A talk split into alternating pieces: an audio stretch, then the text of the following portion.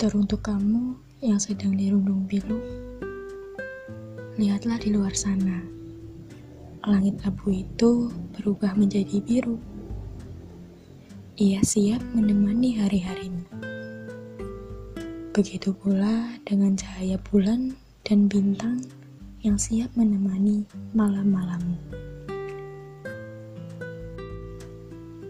Hari itu 8 April 2020 Aku merasakan hal yang sama denganmu pada tanggal 22 Maret 2021. Peristiwa itu memang menyayat hati, seolah-olah tak ada harapan lagi. Rasanya ingin berhenti memperjuangkan mimpi. Aku terus bertanya, mengapa hal yang aku takutkan justru harus aku hadapi? Ya, SBMPTN saat itu sangat menakutkan bagi diri ini. Hingga akhirnya aku menyadari bahwa ketetapan Tuhan memang yang terbaik untuk diri ini.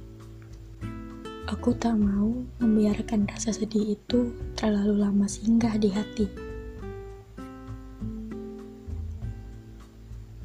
Aku memilih untuk bangkit dan berjuang kembali masih dengan mimpi yang sama, sebuah universitas di Jogja. Namun, kali ini berbeda.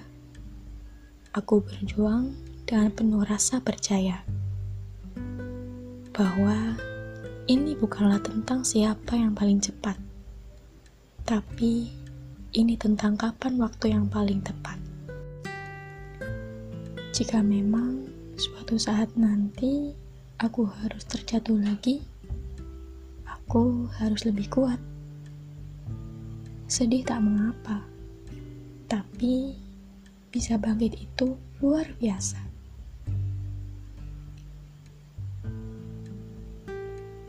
Aku percaya bahwa selalu ada hikmah di balik semua yang terjadi.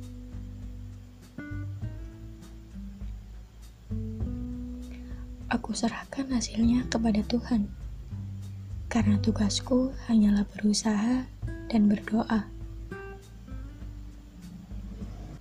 Tetap optimis, tapi harus siap dengan apa pun hasilnya nanti. Tak mengapa jika tak sesuai dengan impian.